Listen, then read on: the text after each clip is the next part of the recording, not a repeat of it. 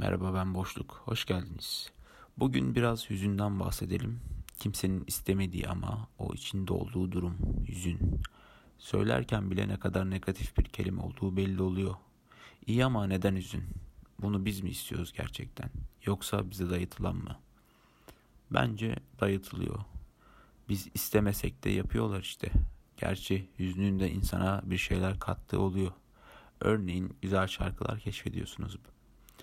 Bence yararlı bir duygu durumu. Karlı yani. Bazen üzünler sebepsiz de olabilir. Yani illa bir nedenden dolayı üzün çekmez insana. Ama çoğunlukla bir nedenden oluşur.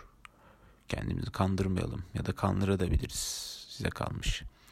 Özlemek de hüzüne dahildir bence. Acının kabullenilmiş ve sakinleştirilmiş ruh hali diyebiliriz belki de bilemiyorum.